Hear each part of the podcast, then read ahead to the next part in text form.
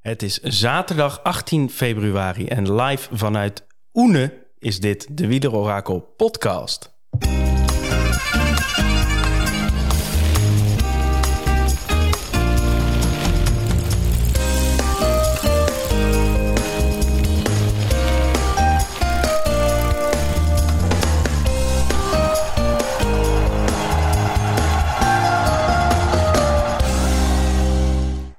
Verstond het goed, live vanuit Oene. En eh, waar ligt dat eigenlijk, eh, Arjan, Oene? Ja, gemeente Epe is eh, dit. Eh, ligt tussen de mooie Veluwe en de IJssel in. En eh, waar zijn we hier? Dit is mijn, eh, mijn huisje. Eh, eh, en eh, ja, jullie zijn bij mij uitgenodigd om het seizoen af te trappen. Het seizoen af te trappen, want dat gaan we doen. En we zijn hier met, eh, nou ja, Arjan hoorde je al. Daar zijn we te gast vandaag. We hebben Daniel, Hey, goedemiddag. Stadsontcycling. Lekker druk geweest weer deze week op Twitter. Ja, lekker bezig. Het begint weer echt eh, los te komen Zeker. eh, online. Thomas, Goedemiddag Tom. hoe is het? Het is eh, goed.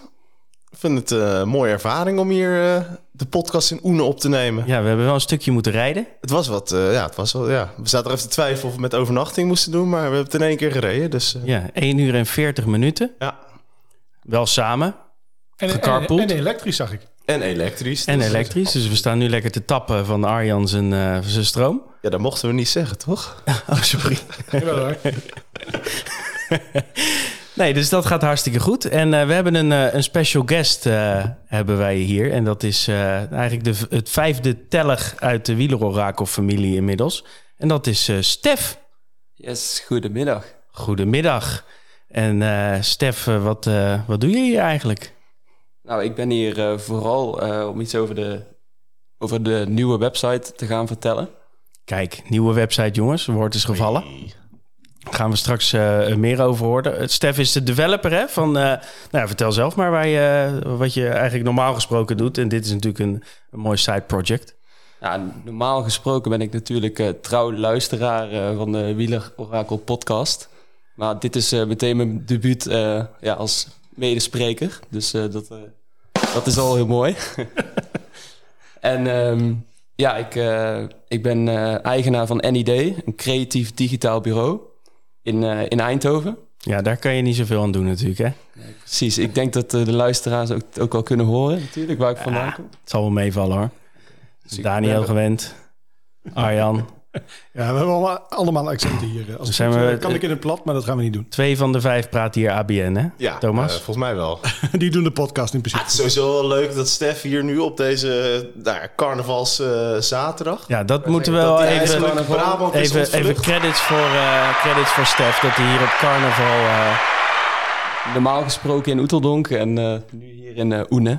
Het enige is raar dat hij in zo'n eh, verpleegsterpak hier rondloopt. Maar dat is... eh, Ja, ach, we, we hebben gezegd er zit een thema aan. En eh, dat is gelukt. sommige ja. mensen hebben zich eraan gehouden. Ja. Nee, hartstikke leuk, Stef. We gaan straks nog even verder praten over de nieuwe site die, eh, die wij, eh, waar we heel hard mee bezig zijn geweest de afgelopen maanden. Ehm, maar we trappen dit soort sessies altijd af met, met een stel dilemma's. Want we gaan het natuurlijk ook ontzettend hebben over het Scorito klassiekerspel.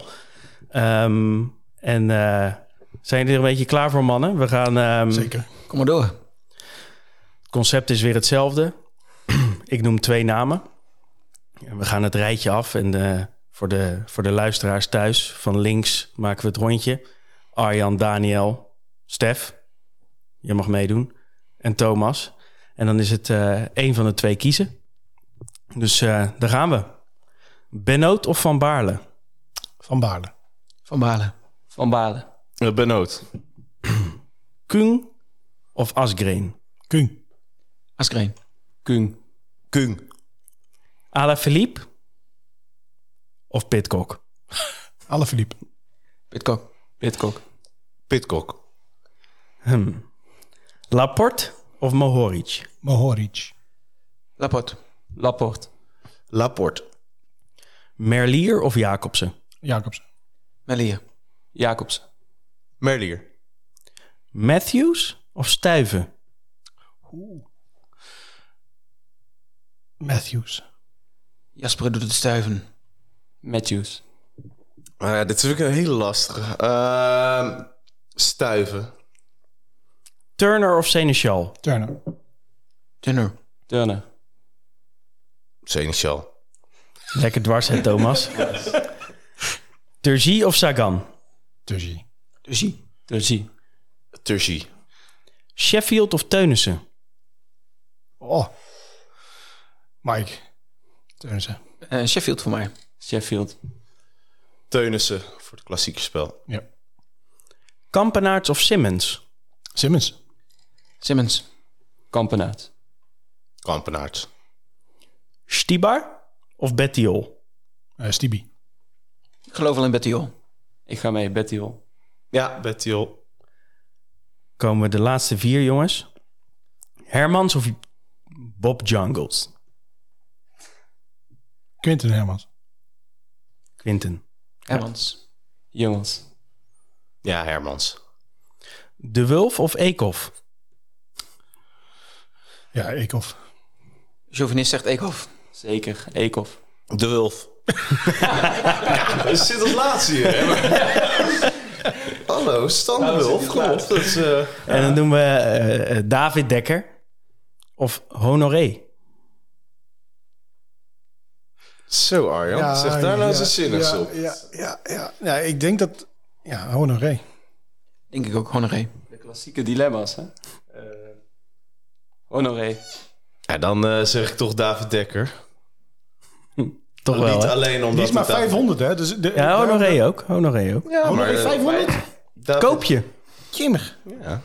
Laatste, jongens. Pascalon of Ballerini?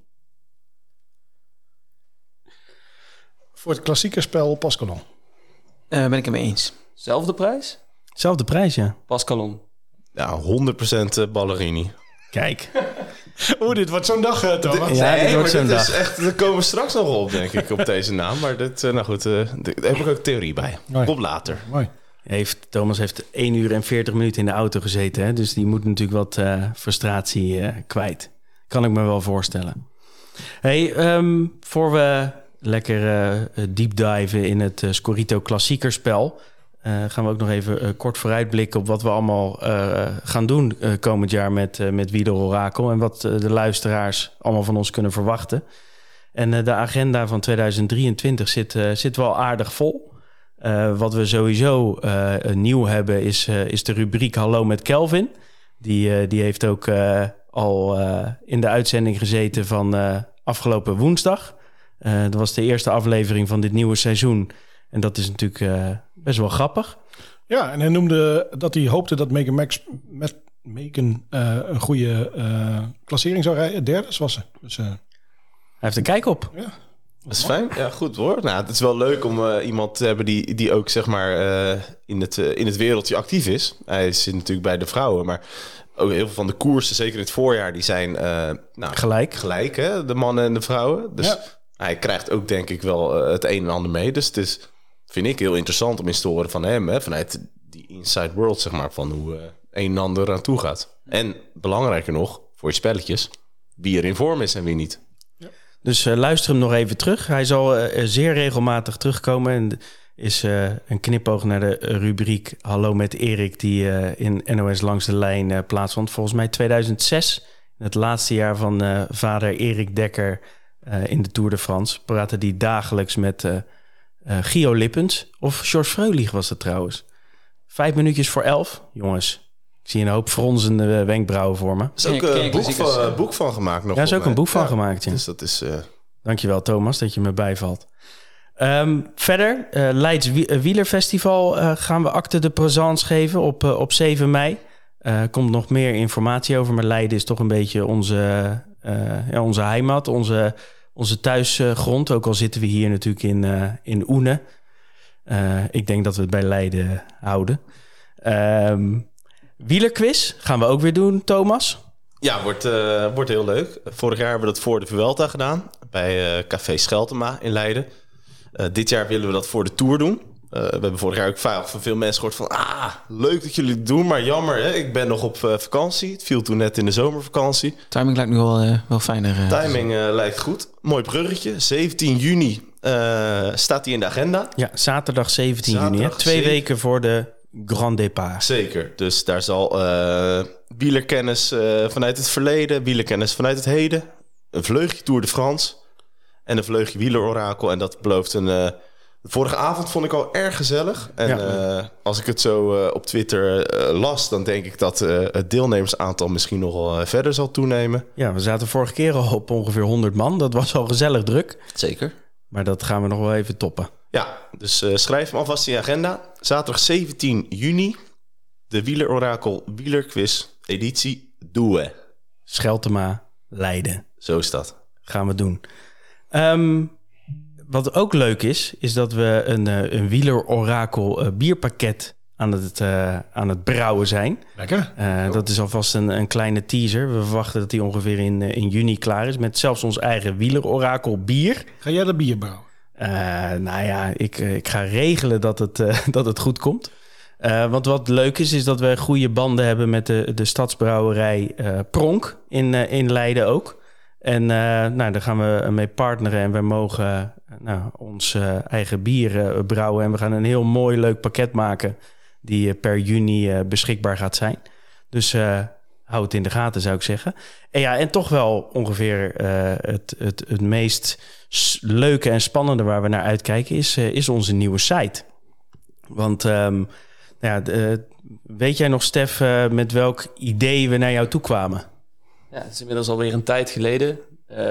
Jij plaatste een oproep op Twitter. dat je op zoek was naar een webdesigner en ontwikkelaar. Nou, laat ik dat, dat ook echt zijn. En eh, ook nog eens eh, wieler en liefhebber. Dus eh, ja, dat was win-win. Ja.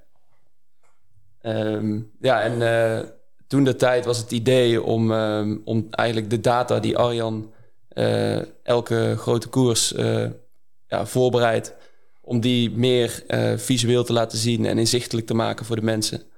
En daar gewoon iets meer mee te doen. Ehm, en dan ja, op dit moment de website, wat op dit moment meer een blog is, ja, naar een nieuw niveau te tillen. Ja, nou dat is in in principe ook wat het is. Dus eh, wat nu vooral een, een blog is, eh, waarin we eh, mooie voorspellingen delen op basis van de data van, van Arjan, gaan we dat continueren op, op een nieuw portaal. Maar gaan we vooral de data van Arjan tot leven wekken in, in hele mooie visualisaties. Elke dag real-time updates met statistieken, met prachtige rennerkaarten. En eh, wat er allemaal wel nog niet eh, eh, meer qua updates gaat komen. En we hebben een primeur, want wat, is de, wat is de verwachte live datum, Stef? Nou ja, we zijn druk achter de schermen bezig op dit moment om alles klaar te zetten voor de, voor de beta-release. Volgende week donderdag heb ik begrepen, Tom. Klopt dat? Dat, ik wil het best zeggen, maar jij moet eraan voldoen. nou, we streven naar volgende week donderdag.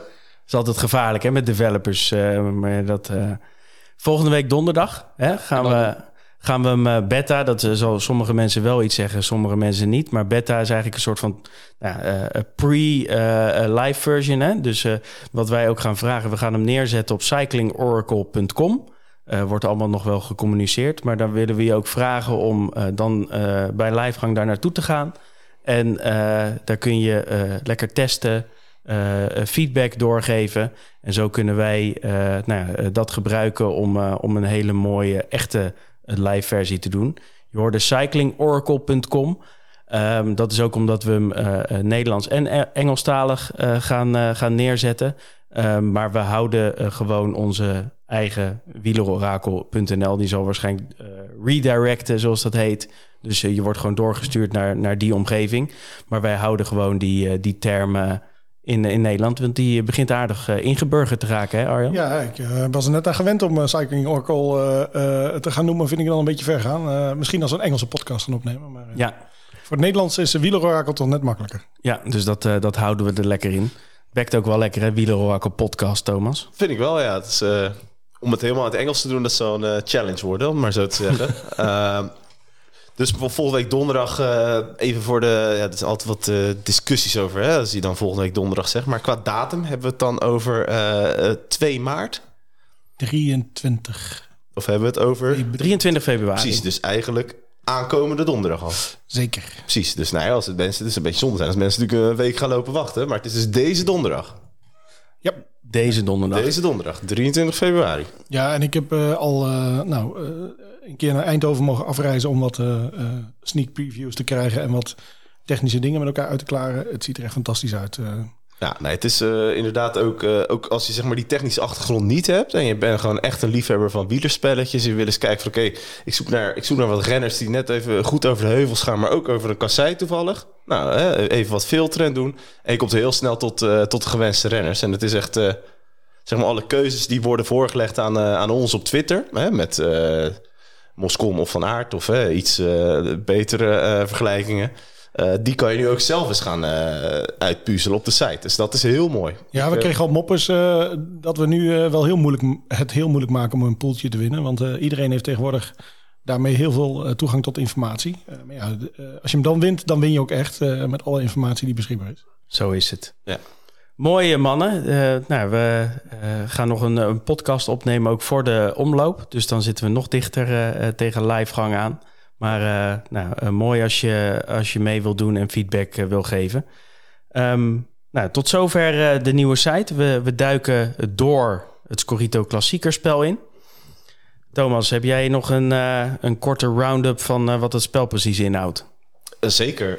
We hebben dat natuurlijk, eh, veel van onze luisteraars hebben het vorig jaar ook gespeeld. Eh, het gaat eigenlijk eh, over het selecteren van een team voor alle voorjaarskoersen. Vorig jaar zijn we er allemaal doorheen gelopen. Dat hoeft eh, wat mij betreft niet. Ten opzichte van vorig jaar is er één koers is eruit gegaan. Dat is Milaan-Turijn. Ik weet niet of jullie die nog weten, maar dat, Oh, was is die, jammer. Er was ook veel discussie over of die wel eh, op die eh, koers waar eigenlijk eh, zelfs de ploegen eigenlijk tot een paar dagen van tevoren niet wisten hoe het, eh, hoe het parcours eruit zag. Die vlakke rit waar alle klimmers... Ja, ja, dat ja. Dus dat was, eh, dat was uiteindelijk een, eh, ja, toch wel het, lachertje, het lachertje van het eh, voorjaar, denk ik. Dus ik ben heel blij dat de, de, de Scorito, eh, de, de spelbepalers van Scorito deze eruit hebben gehaald. ja, ondertussen moet je wat horen op de achtergrond. Het is Tom is zijn, eh, is zijn biertje aan het inschenken. Ga je lekker, Tom? En dat eh, lijkt eh, vrij goed te gaan. Het is, een, eh, ja, het is, eh, het is gelukt. Mooi. Vlaams biertje, jongens. ja, zeker. Het is ook het, ja, het Vlaamse voorjaar met ook wel wat eh, buitenlandse invloeden natuurlijk. Zoals altijd. Uiteindelijk gaat het dit jaar om 16 voorjaarskoersen. Als het een beetje grof eh, in stuk hakt, dan heb je eigenlijk eh, vijf eh, sprintkoersen. Hè? Kuurne, Brussel, Kuurne. Sai Classics, De Pannen. Gent-Wevergem, Scheldeprijs. En natuurlijk Eschborn, Frankfurt hè, op 1 mei Kijken we allemaal naar uit. afsluiten van het voorjaar. Je hebt vijf eh kasseikoersen. Ehm Omloop het Nieuwsblad, de E3-prijs, Dwars door Vlaanderen, Ronde van Vlaanderen... en natuurlijk de klassieker der klassiekers Parijs-Roubaix. We hebben vier koersen die zijn te klassificeren als heuvelkoersen. Dat zijn eh Brabantse Pijl, Amsterdam Gold Race, Waalspijl en luik bastenaken Ja, en dan hebben we nog twee Italiaanse koersen. Strade Bianche, eh, prachtige koers over de Sterrato in eh, Italië, over de gravelwegen. En Milaan Sanremo. Ja, je, je, van oudsher misschien een sprinterskoers, maar ik denk dat je tegenwoordig, zeker als je kijkt naar de laatste jaren, dat, er, dat het niet meer zo is dat iedereen die, eh die massasprints wint, denkt van hé, dan gaan we daar, daar even de bloemen ophalen op de, op de Via Roma. Je moet sta- stalen zenuwen hebben tegenwoordig om daar te winnen. Ja, en, en, eh, en wat zitvlees, hè? Je moet eh, Stalen ballen. 300 kilometer eh, op je fiets zitten. Dus eh, nee, dus het, zijn, het zijn 16 koersen. We beginnen met Omloop het Nieuwsblad, traditioneel. Dan gaan we even naar Italië. En dan gaan we eh kassei rijden in eh, Vlaanderen. Gaan we Parijs-Roubaix doen. En dan nog een, eh, een heuvel vierluik. En dan, eh, dan zijn we er 16 koersen. En het Scorito klassiekerspel vraagt jou om daar eh 20 renners voor te selecteren. Dat moet je nu al doen. Want die kunnen punten halen. Elke koers krijgen de eerste 20 renners punten. Dat gaat van 100 en dat gaat van 90 naar 80 naar 70 en dat loopt helemaal terug naar 4. Eh, maar veel punten te scoren. In elke koers evenveel punten. Elke koers evenveel punten. Dus eh, geen verschil tussen grote klassiekers, kleine klassiekers. Ook belangrijk om rekening mee te houden in je, in je selectie. En belangrijk ook om aan te merken is dat eh, elke koers dat er ook 10 punten verdiend kunnen worden. Als iemand uit jouw team de koers wint, krijg je 30 punten als renner. Als iemand uit jouw team tweede wordt 20. En als iemand uit jouw team derde wordt 10. Dus dat is ook een belangrijk. En eigenlijk het belangrijkste aspect, vind ik, aan het Scorito klassiekerspel... is de, eh, de, de factor van de kopmannen. Voor elke koers kan je drie kopmannen selecteren. Waarbij de eerste kopman eh, de punten eh vermenigvuldigd worden met drie. Voor jouw tweede kopman worden de punten vermenigvuldigd met 2,5. En voor je derde kopman worden je punten vermenigvuldigd met 2. Dat zijn de individuele punten. Dus bijvoorbeeld, als jij eh, Wout van Aert hebt geselecteerd hè, in je team... en jij zegt, nou, ik vind dat hij de kopman is voor de Ronde van Vlaanderen... en Wout van Aert wint, dan krijgt hij daar 100 punten voor. Maar als je hem dan als eerste kopman selecteert voor die koers... gaat dat keer drie, dus krijg je 300 punten. Ja, dus in principe is het, is het wel een kopmannenspel. Ja, ik denk dat je dat wel kan zeggen, ja. Eh, het is heel belangrijk om de juiste kopmannen te selecteren. Want als jij dus eh, Wout van Aert wel in je team hebt, maar niet als kopman... dan krijg je maar 100 punten. hè. Dus het scheelt je gewoon 200 punten. Dat is wel eh, heel belangrijk. Ja, maar als je daartoe in staat bent, gaat het ook niet heel goed. eh. Nee, dat klopt. Dat is een andere vraag. Maar goed, het betekent ook wel dat je op koersen die iets minder bekend zijn... hè, bijvoorbeeld de, eh, de eh, ja, de Eschborn Frankfurt... Als jij, prijs, ja. als jij daar nog een renner hebt staan... Hè, bijvoorbeeld Christophe... die van oudsher altijd zeer goed presteert in, eh in Eschborn Frankfurt... Ja. Als jij die in je team hebt en jij kan hem kopman maken, dan kan hij daar zomaar 300 punten halen. Vorig jaar in de Scheldeprijs, die won Christophe. En die haalde toen in één keer 300 punten daar voor de mensen die hem als kopman hadden. Nou, dat kan, in één keer kan het dan wel heel hard gaan. Dus dat is wel belangrijk. En dan heb je nog de gouden wissels. Ja, eh, dat is nieuw. Hè? Eh, we hebben vorig jaar wij natuurlijk met, eh, met meneer Scorito, hè, zoals hij zichzelf Martijn. Noemt. Martijn. Hebben wij het gehad over het klassieke spel. En van, ja, komen daar nu nog verdere verfijningen in? Gaan ze dat, wordt die opzet, blijft die gelijk of niet? Nou, nu zijn gouden wissels eh, ingevoerd. Wat het eigenlijk betekent is dat je, eh, eh, dat je drie wissels kan doorvoeren tijdens het klassiekerspel. Dus Op elk moment. op elk willekeurig moment. Dus als jij zegt na de eerste vier koers van... nou, ik heb bijvoorbeeld Pitcock in mijn team... maar hij levert totaal niet... kan je hem eruit gooien, kan je hem inwisselen voor iemand anders. Ja, en dat kan alleen voor een renner die of hetzelfde budget is of goedkoper. Juist, ja. Je kan niet eh, duurdere renners in je team nemen. Maar het biedt wel ook wel ruimte voor, eh, voor tactische keuzes. Je kan bijvoorbeeld zeggen het, eh het Heuvelvierluik. Dat vindt eigenlijk plaats na Parijs-Roubaix. Dan krijg je op woensdag Brabant. Dan Amstel Gold Race, Waalspijl, Luik, Bastenaken, Luik. Als je zegt ik hou tot aan Parijs-Roubaix... hou ik mijn kasseirenners erin. Een lampaard bijvoorbeeld. Een lampaard. Of, nou ja, eh, zonder misschien eh, alles eh, al uit de doeken te doen. Maar zowel Wout van Aert als Mathieu van der Poel hebben aangegeven op dit moment... dat ze geen eh eh Gold Race, ja. eh Waals Spijl, Luik, Bastenaken, Luik rijden. Ja. Dat zijn wel twee jongens die heel veel punten waard zijn. Of heel veel euro's. Of heel veel euro's of Scorito punten of geef het beestje naam. Maar dat betekent wel dat je die heel makkelijk kunt inwisselen... na Parijs-Roubaix. Of Ja. eventueel Brabant Spijl als ze die rijden. Maar Ja, en voor dat niet. budget kun je alles kopen. Ja, en dat is meteen ook wel de. eh, ja, waardoor ik het persoonlijk nog wat lastig vind. Of ik het nu een goed of, een, eh, of geen goede toevoeging vind. Want ik denk dat het wel heel makkelijk is om die wissels door te voeren. Omdat er altijd een paar dure eh, klassieke renners zijn. die niet eh, in de heuvels gaan rijden. Dus je had eigenlijk de helft van je budget terug moeten krijgen of zo. Nou ja, er zou iets. Misschien, ja, of je zou het algemene budget terug moeten dringen, zeg maar. Eh, dat, je, dat je ook min, wat meer moeilijke keuzes moet maken. Ja, ja. Want nu kun je eigenlijk alle dure renners aan de voorkant, zeg maar, die, die goed zijn op kasseien of goed zijn op sprinten, die kan je eigenlijk nemen. Hè, je moet wel een paar moeilijke keuzes maken. Nou, wat ik vooral wel leuk vind eraan is dat er een tactisch element in komt. Want wanneer ga je wisselen? Jij, ga je een soort van snel in paniek raken als, eh, als een keertje eh, als iemand de omloop wint. En je denkt, ah shit, die heb ik niet. Die gaat er goed voor je ja. rijden en die ga ik tegelijk in eh, schroeven. Ja, Kan. ja.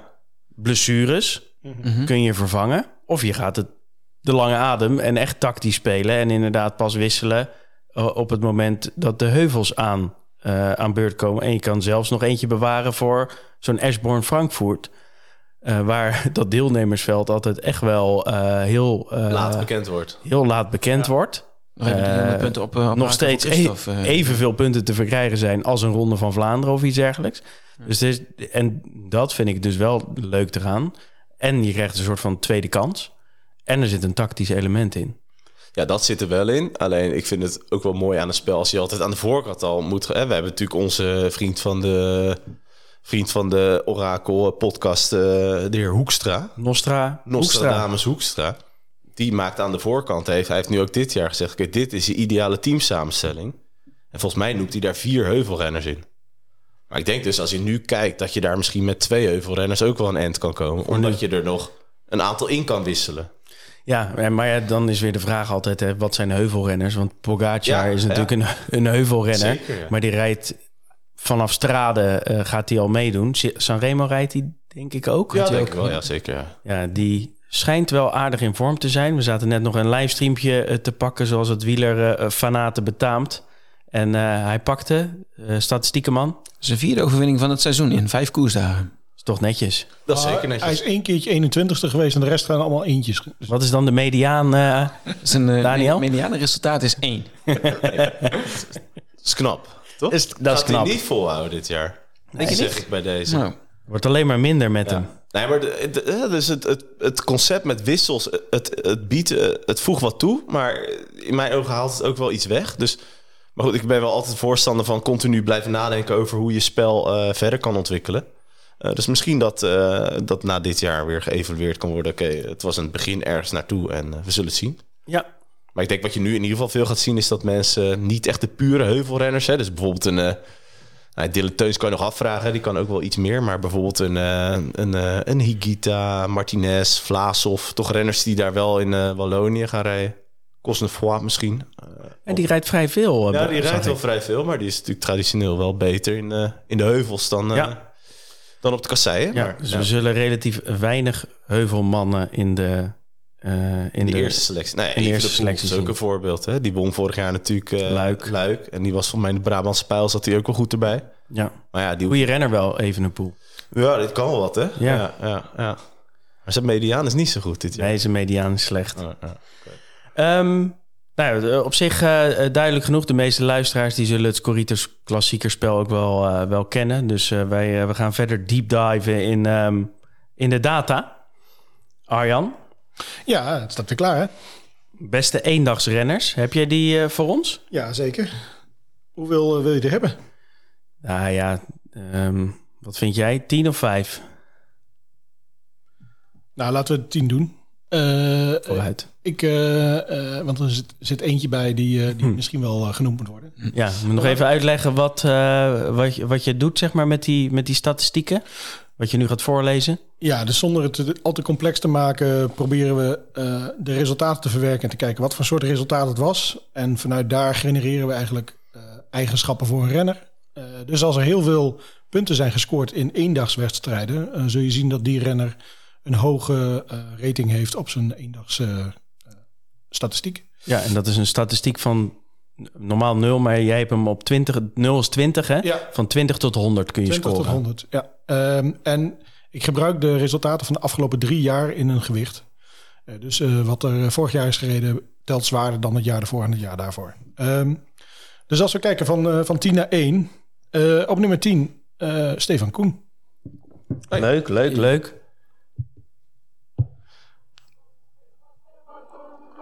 Sorry jongens, Het was even. Ja, dat is een- eh, de knop stond uit. E- eerste van het seizoen, eh, moet nog even wennen. Ja, weet je, alles is nog een beetje stroef. Eh, misschien heb je ook wel een, een- tune voor de nummer 9. Remco Evenepoel. Draaien, gewoon draaien. Oh, de Schoenenwegen. Dat is Groenewegen. Nee, eh eh Evenepoel. eh, eh, ja, waarom eh, zit Evenepoel eh, eh, in de eendagswedstrijden? Ja, vorig jaar eh, Luik. Eh, dus eh, hij, de, de man San kan alles. Sebastian. San Sebastian. eh, dus, dus zeker in eendagswedstrijden kan hij ook uit de voeten. Eh, maar hij heeft nog wel een aantal mensen boven hem staan. Waaronder Arno de Lee, Hey. Zo. nummer 8. Die is hard gestegen dan. Zeker heel veel 1.1 eh, koers afgelopen jaar gewonnen. Ja, de- dus eh, vandaag zijn, eh, zijn goede rating. Eh, maar misschien verrassender, ook nog Michael Matthews staat boven. Tuurlijk. Ja, ik weet niet of het heel verrassend is. Het is natuurlijk wel een sprokkelaar eerste klas. Al jaren. Ja, ja. Volgens mij sinds 1973 is hij al aan het sprokkelen. Michael Matthews is wel een renner die gewoon eigenlijk alle heel veel klassiekers aan kan. En als je er kijkt naar dit Scorito klassiekerspel, dat zijn 16 koersen. Nou ja, Parijs-Roubaix hoef je hem niet in de top 5 te verwachten. Maar ik denk letterlijk als hij zich eh, richt op de andere... Nou, Strade Bianca is misschien ook net wat too much. Maar Zou die misschien kunnen op een goede dag. hij kan echt heel veel aan wel. Hè? En eh, dat is wel knap. Het eh, nadeel is dat hij nooit wint. Heb je statistieken paraat, eh, ah, eh, Daniel? Ja, Thomas die, die duidt het heel goed. Want vorig jaar rijdt, eh rijdt Matthews eh, bij vijf van die, eh van die Scorito-klassiekers in de, bij de eerste 15. Dus eh, dat is wel een aardig aantal. En als je kijkt naar eh, de renners met de meeste top 10 prestaties... zonder ooit een van die grote Scorito-klassiekers te winnen... wie staat er dan op één? Michael Matthews, 23 keer top 10. Maar helaas nog nooit die grote overwinning. Dus eh, ja, wie weet kunnen we hem nu wel een keer eh, aan het bier verwachten... naar een eh, grote eendagskoers. Ja, nou, ik gun het hem wel echt ook hoor. Ja. En toen hij vorig jaar die Tour-etappe won eh, op, eh, op Mande. Eh, ja, het is prachtig was dat. Was een hè? mooie, ja. Zo. In de dacht- aanval? Ja, in de aanval dat je denkt, oké, hij is geslagen. En toen kwam hij nog weer terug. Want dat was ook gewoon drie En met wie vocht hij toen ook weer? Bettiol, denk ik. Bettiol, ja. Ja. Oh, die kwam toen terug bij hem. Ja, En toen poefde hij hem er weer ja af. dat is Mooi bizar. was dat. Het is echt heel knap. En dat was drie kilometer à 10 procent. Hè? Voor Matthews, ook eh, iemand die gewoon massasprints heeft Ja, superdag had hij. Maar het was hem gegund. Ja, derde op het WK ook weer. Dus eh, Ja. ja. Goede proloog, eh, goede punch, goede sprint. Eigenlijk kan de man best wel veel. En daardoor ook op eendagswedstrijden echt wel een factor om rekening mee te houden. Ja, De man die erboven staat, eigenlijk misschien wel een soortgelijke renner. Alleen nu misschien in de Jumbo-Visma tenue eh, af en toe in de knechtenrol. Christophe Laporte. mooi. Ja. Komen we zo nog wel op, denk ik. Dan eh, even kijken, waar zitten we dan? Nummer 5. Een sprinter. Vorig jaar ook heel goed. Tim Melier. Oh, wel grappig. Dat die, je krijgt wel echt wel verschillende types. eh. Ja, het gaat om wie eh, wint eendags, Ja, ja, ja, ja, eendagswedstrijden. Ja, ja. Vorig jaar geen grote rondes. Eh, weinig in de grote rondes gereden. Dus eh, Ja, dat is de, renner die sinds, eh, sinds 2019, dus de laatste vier seizoenen is dat, de meeste eendagskoers heeft gewonnen van eh, het hele peloton. Dus Ja. Merlier. ja, twaalf stuks. Ja, moet wel de, de pannenkoeken delen met eh Der Fabio, hè? ja, dus dat eh, is ook, eh, daar komen we nog wel op, denk ik. Ja. Eh, dan gaan we naar de grote namen. Mathieu van der Poel. Op vier? Op vier. Zal er niet blij mee zijn. Valt tegen eh, Mathieu. En dan misschien wel de verrassing in de top drie. Ja. Alexander Christophe. Zekers. Ja. Topper. Ja. Wel hoog. 2,5 Boven Van de Poel. Ja, ja, ja. Eh, van der Poel toch af en toe wat wisselvallig. En dat kun je niet zeggen van eh, Christophe. Nee. Rijdt ook wel veel, Ja, rijdt veel, Christophe. En, eh, Ja. Ja. Vaart ook veel, hè? Van die schepen. Die grote schepen. mooie, mooie vent, die Christophe. Vikingschepen. Ja, klasse. ik zag hem, eh, zo'n foto van hem op eh, ergens in de winter. Toen had hij echt een beetje Sagan-buikje van vorig jaar. Toen werd er daar al wat lollige opmerkingen van gemaakt. Van, Ja, maar hoe dikker dat buikje is, hoe beter die is. Ja, dat wel, want toen won hij van de week natuurlijk gewoon een sprint van, eh, van de grote namen, zeg maar. Jacobsen, ja. Jacobsen die er niet aan te pas kwam. Ah, ik kreeg ook wel een heerlijke lead out trouwens. Ja. Die werd gewoon gewoon derde, hè? Ja, Hm? Søren Werenskjöld. Je werkingskeur. Wernskjöld. Ja, ja. We allemaal opgeoefend op de naam? Ja. Eh, ik eh, had hem eh, toevallig in. We zijn even een poosje onderweg geweest, Tom en ik hier naartoe. Ja, Maar hij, hebben ze allemaal hij is behandeld. ook langsgekomen, ja. Dus, was een podcast op zich, eh, ja, was dat. Zeker, ja. Maar wist je trouwens dat Christophe drie eh, beren en drie eh, collega-renners opeet in de winter? En dat hij daar, eh, daardoor zo sterk is elke keer. Ja. Nee, hoor ik nu voor het eerst. Maar is eh ja, interessant theorie. En nummer twee, Tadej Pogacar.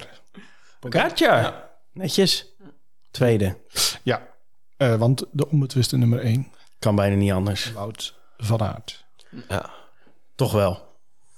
ja dat is... Vooral heel steady ook. Hè. Wint natuurlijk veel, maar is ook Als hij niet ziek was geweest vorig jaar, eh, dan had hij nog meer gewonnen.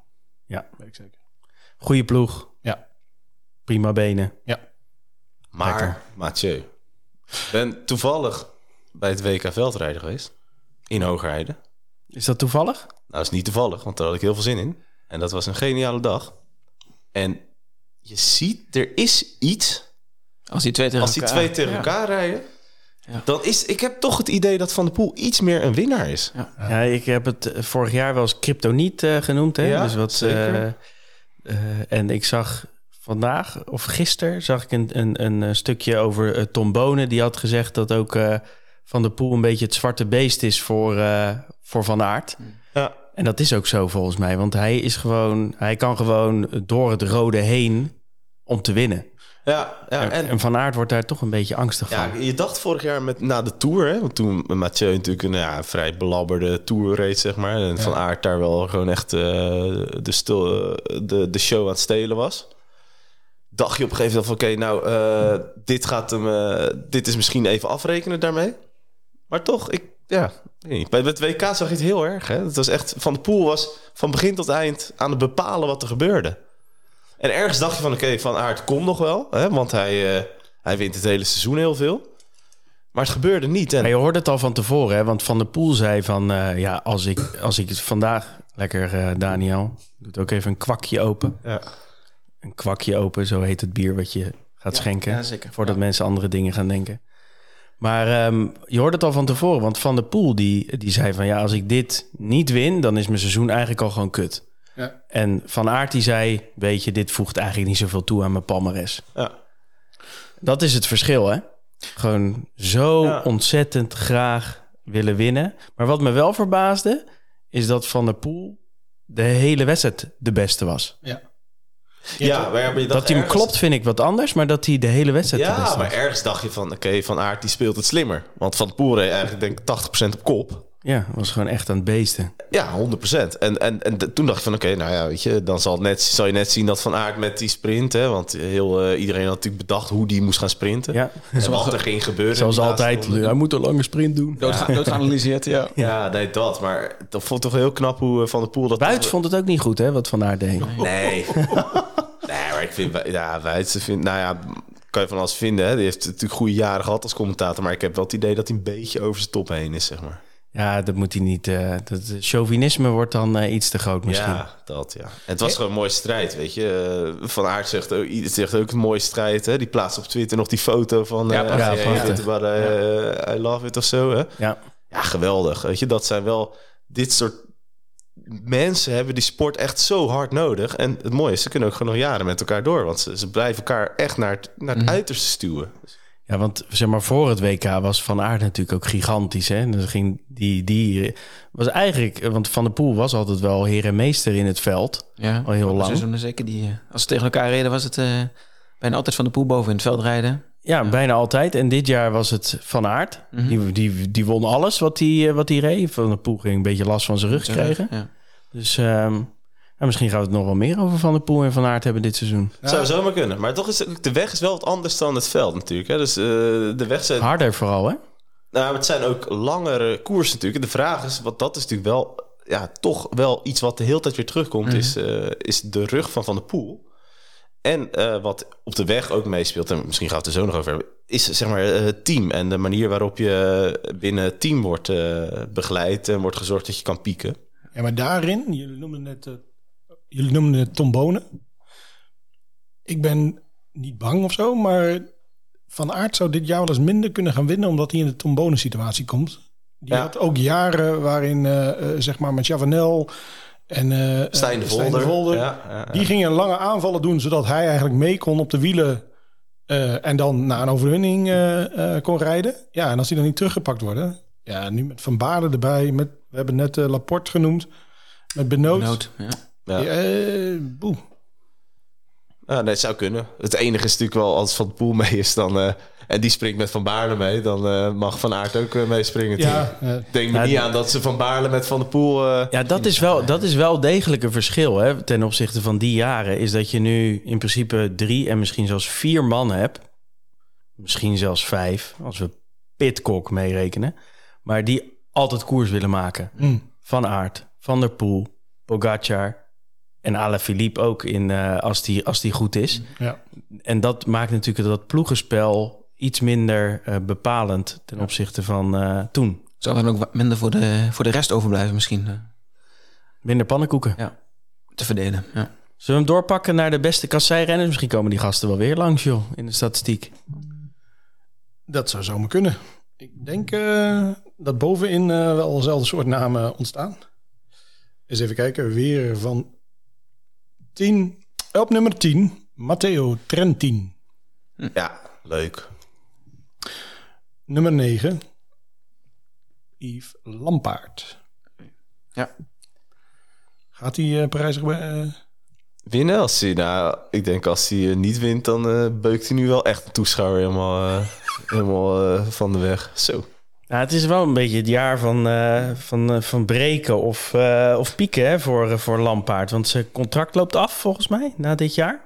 Ja, Lefebvre heeft alweer, die is alweer aan het eh, interview aan het geven hoor. Van hij moet zich bewijzen. En, eh, ja. Kan toch niet, joh? Op, op zo'n manier met je, met je mensen omgaan. Ik vind het echt... eh, Aan de ene kant niet. Aan de andere kant eh, doet hij dit natuurlijk al jaren. ja. En als je ziet, ja, weet je, het is, het is niet zo dat het een, een weinig succesvolle Nee, dat is ploeg is geweest. Maar het is wel een bijzondere manier van communicatie. Maar ik denk op een gegeven moment ook als, als het tien keer gebeurt, dat je ook wel denkt, oh, Hebben ja, we- in principe ik wel een gedronken. interview Ja. met Patrick Lefevre over maar eh, dit- budget of geld of weet ik veel wat. Maar dit is dezelfde La- Lampaard die dus vorig jaar in de Tour de eerste rit pakte en Ja. een gele trui pakte. Hè? Dus ja, Ja, nee, dat is zo, ja. Maar goed, hij moet wel eh, bevestigen, Lampaard weer eh, dit jaar. Je moet ook niet vergeten hoe belangrijk dat, voor de, dat voorjaar is Ja, voor nou. die ploeg. Hè? En vorig jaar was misschien wel minder, hè? Ja, Is nog Belangrijk. steeds zo belangrijk. Ja. De Evenepoel-factor. Ja, tuurlijk. Maar vorig jaar eh, was het voorjaar echt matig. Van, eh van Quickstep. Ja, het is even wennen aan die ploegnamen. Hè? Nu is het eh Soudal en dat was eh Quickstep. Maar vorig jaar was het natuurlijk matig. En ja, weet je, het zijn wel... Ze hebben daar wel natuurlijk een enorme exposure, ook voor de sponsoren. Dus eh, ja. Ja. ondanks dat ze Evenepoel hebben... denk ik dat ze nu wel even wat revanche willen nemen daar. Eh, nummer 7. Ties Benoot. Dentiche. Nummer 6. Goodold. Kijk, van Avermaat. Ah, daar is die. Ja, dus eh, uit het verleden vooral... eh maar ja, resultaten uit het verleden zijn geen garantie voor de toekomst. Is dan zes of vijf? Nee, vijf. Vijf. Eh, Dylan van Baarle. Ja, die heeft vorig jaar wat puntjes gescoord, denk ik. eh, in de Die heeft wat kasseipuntjes Ja. gescoord, ja. Ja. En eh, voor mij verrassend de man erboven. Florian Seneschal. Oh, nog steeds? Oké. Ik dacht dat je Vermeers Ja, zou dat zeggen. zag ik ook te denken. Dus dat is nummer vijf. Van Oh, dat is vijf. Oké, ja. Eh, vier. Laporte. Ook wel hoog in de kassei-statistiek. Nummer drie. Stefan Kung. Ja. Kijk, dit gaat wel heel stuk beter. Ja. Mooi. Als je naar het seizoen van, van vorig jaar kijkt, het, die zat overal erbij, hè? Overal echt in de top. Het is echt, eh, Ja. echt een fenomenaal seizoen eigenlijk. Behalve dan die ene grote zegen. ja, dat. En Ja. Dat, ja. Het zou eh, wel mooi zijn voor hem als hij dat nu kan eh, bewerkstelligen. Maar vorig jaar had hij wel echt een topvoorjaar wat Zo. dat betreft. Ja. Eh, dan gaan we naar nummer twee. En eigenlijk nummer één ook. We hebben het er net over gehad. Ja, daar zijn ze weer, denk ik. Mathieu en Wout. Wout bovenaan. Mathieu. Weer in die volgorde. Ja. Niet geheel verrassend. Hey, we hebben een, een klein intermezzo. Want tussen de twee eh dataranglijsten... want we gaan zo nog verder met de heuvelspecialisten... en met de sprinters... eh, hebben we wat statistieken, Daniel. Jazeker, hebben wij die. Ehm, het actieve profpeloton, of de profrenners van, eh, van 2023... dat zijn de renners eh, die onder contract staan van een World Team of een, of een eh, Pro-team. Daar gaan in principe alle statistieken over die, die langskomen. Ehm, en daar hebben we natuurlijk ook wat, wat leuke feitjes voor. We hadden het in de voorbespreking al even over. Ehm, de renner die als eerste een Scorito-klassieker reed van alle actieve renners... Dat was eh Luis Leon Sanchez, die in 4, op 4 april 2004 aan de start van de Ronde van Vlaanderen stond. Dus eh, 19 jaar geleden was eh, Sanchez er al bij. Ik weet niet wat zijn programma dit jaar is, maar eh, hij, eh, hij gaat wel even mee en heeft ook flink wat van die, eh, van klassiekers toch wel gereden. De focus was wat anders gelegd de afgelopen jaren, maar eh, nou, dat was de eerste van alle actieve renners die, eh, die deelnam aan een uh, Scorito klassieker. Eh, hij was ook de eerste die, die erin finishte. En dat was eh, niet in eh, diezelfde Ronde van Vlaanderen, maar dat was twee weken later in de Amstel Gold Race. Uh, hij reed Parijs-Roubaix ook nog, maar uh, daar, uh, daar wist hij de finish ook niet te bereiken. Um, de jongste deelnemer in een, uh, in een Scorito-klassieker uh, van de actieve renners was Nikias Arndt. Die was 18 jaar en 165 dagen toen hij Esbon Frankfurt reed. En daarmee was hij uh, iets jonger dan, dan Marco Brenner, die in 2021 Kuhne Brussel Kuhne in Kuhne Brussel Kuhne deelnam. Hij was twee Duitsers? ouder. Ja, twee Duitsers als jongste. Met hun debuut in de klassieker. Ja, ook allebei in... Uh, of nee, nee de aantal in, in een koers in eigen land. Oudste deelnemer vorig jaar was Dries Stevenijns, 38 jaar en 266 dagen in de Brabant Spel. Eh, en Cameron Woof was ook al eh, vrij oud in, eh, in Parijs-Roubaix als één oudste. Ja, dat zijn de die nu nog actief zijn. Zijn nu nog actief. Valverde was ouder. Ja, ik, ja, die was- Dus die was dat is goed 42. om- ik- Ja. ja, ja, ik zat ook even te denken van oma Alejandro. Die, je weet het nooit, hè? Misschien dat hij er opeens staat in de Waalspijl straks. Ja, misschien is hij straks ingehaald door de, door de tijd. Ja, precies, ja, ook een ja, actieve renner, ja. Dan gaan we alles oké. natuurlijk. Nee, Ja. goed. Bij deze. Eh, de jongste winnaar, en dat is wel, eh, wel opvallend. Ik weet niet of jullie hem nog eh, scherp hebben. Vorig jaar is, eh, is er een koers gewonnen door Sheffield. De, ja, Sheffield Brabant Spel. Ja, ja, ja. De jo- ja, jongste winnaar van een klas- Corrito Klassieker sinds Zo, 19... dat zijn punten, Thomas. Brabantse pijl. Toen waren ze met allemaal eh Ineos op pad. Dat is gezellig. Eh, Ja, dat was zeker gezellig. Ja. En ehm, van de actieve renners was uh, Jacobsen de ene jongste. Die was uh, 21 jaar en uh, een paar honderd dagen toen hij de Scheldeprijs voor het eerst won. oh ja. Uh, oudste winnaar, die heb ik ook al een aantal keer genoemd, is Christophe in de Scheldeprijs van vorig jaar. Dus van de actieve renners is hij degene die het oudste was toen hij een van die klassiekers winst te winnen. Ja, dus dit zijn wel de actieve renners, actieve renners in de 16, in de 16 wedstrijden. Ja. ja. En er zitten natuurlijk ook een aantal monumenten in die, uh, in die, uh, in die Scorito Klassiekers. En de jongste ja, de winnaar van een van die monumenten was, uh, was Remco Evenepoel. Toen hij vorig jaar Luik Bastenaken Luik won, was hij iets jonger dan, dan Pogacar die het jaar daarvoor won. Dus Evenepoel is de jongste winnaar van een van de vier monume monumenten in het, in het voorjaar. En er zijn ook renners die aan alle 16 klassiekers hebben deelgenomen. Uh, dat zijn er niet heel veel, maar uh, Heinrich Hausler, uh, Edward Boson Hagen, Keukelere, Hoel, Hollenstein, Van der Sande, Van Poppel. Danny van Poppel, ja? Danny van Poppel, ja. Lingen, De Lier, Pascalon, Teunissen, Twaits en Brendel. Dat zijn de renners die aan alle 16 klassiekers tenminste één keer hebben deelgenomen.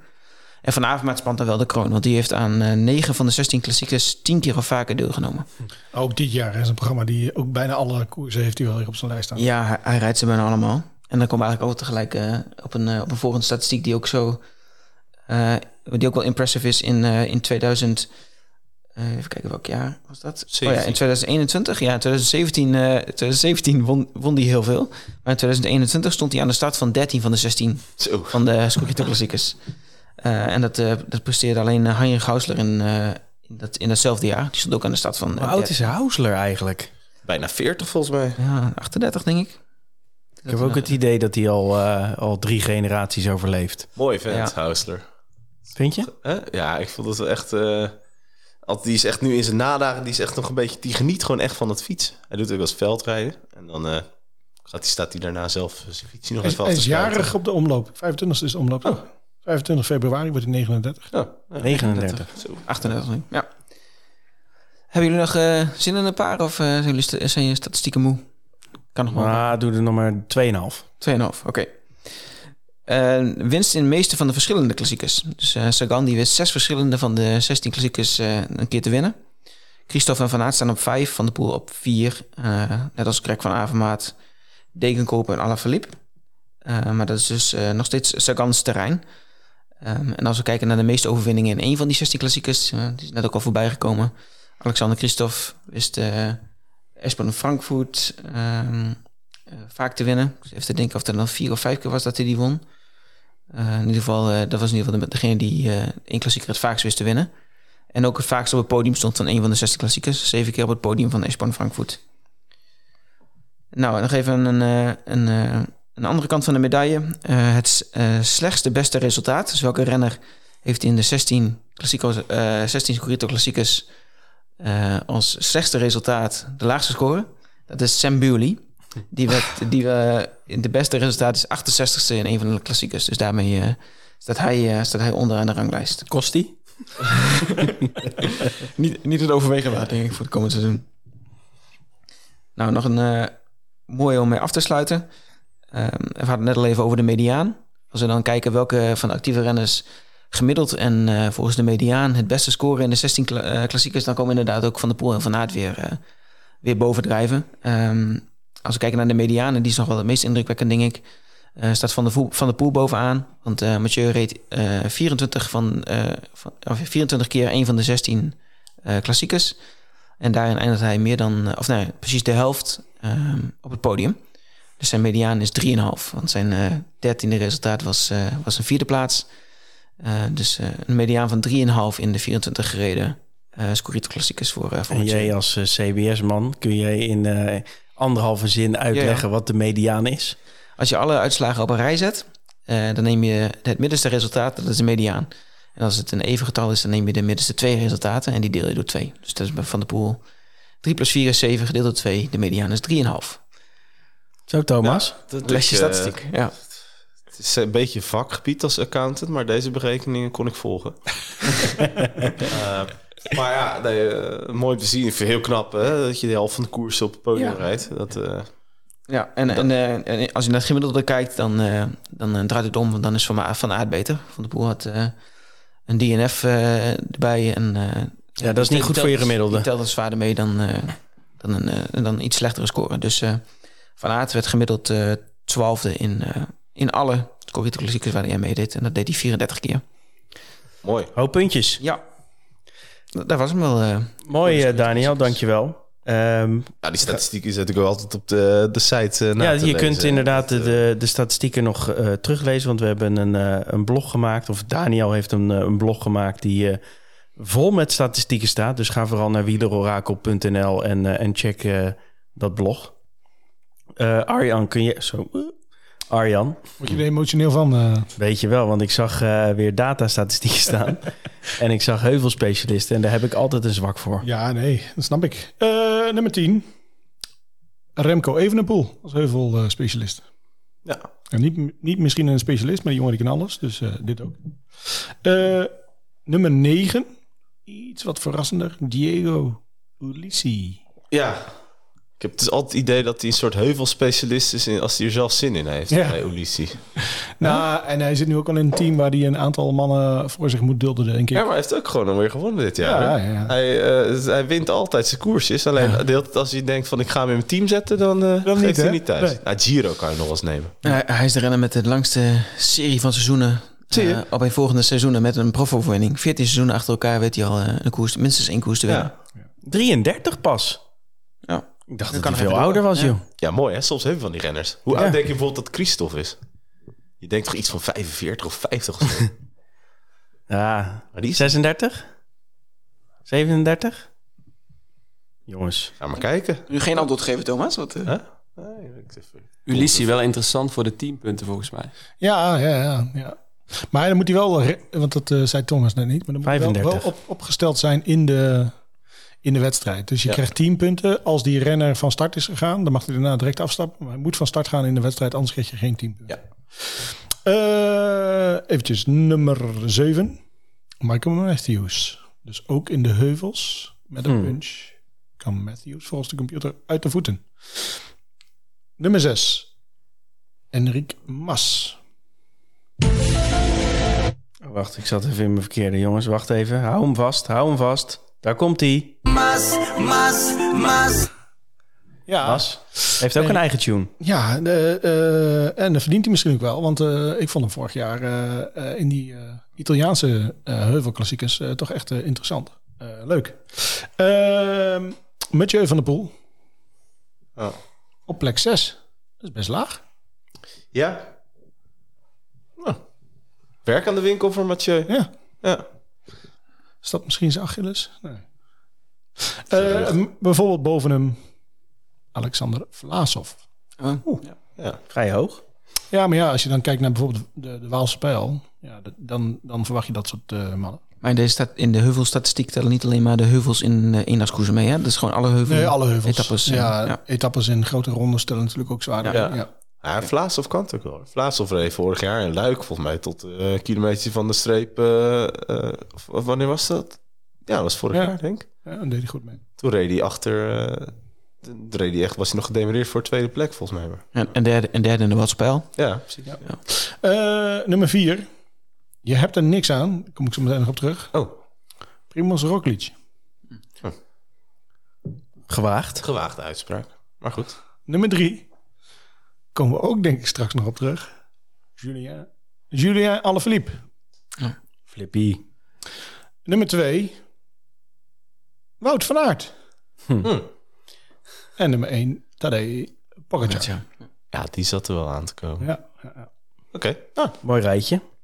Gaan we door met de sprinters.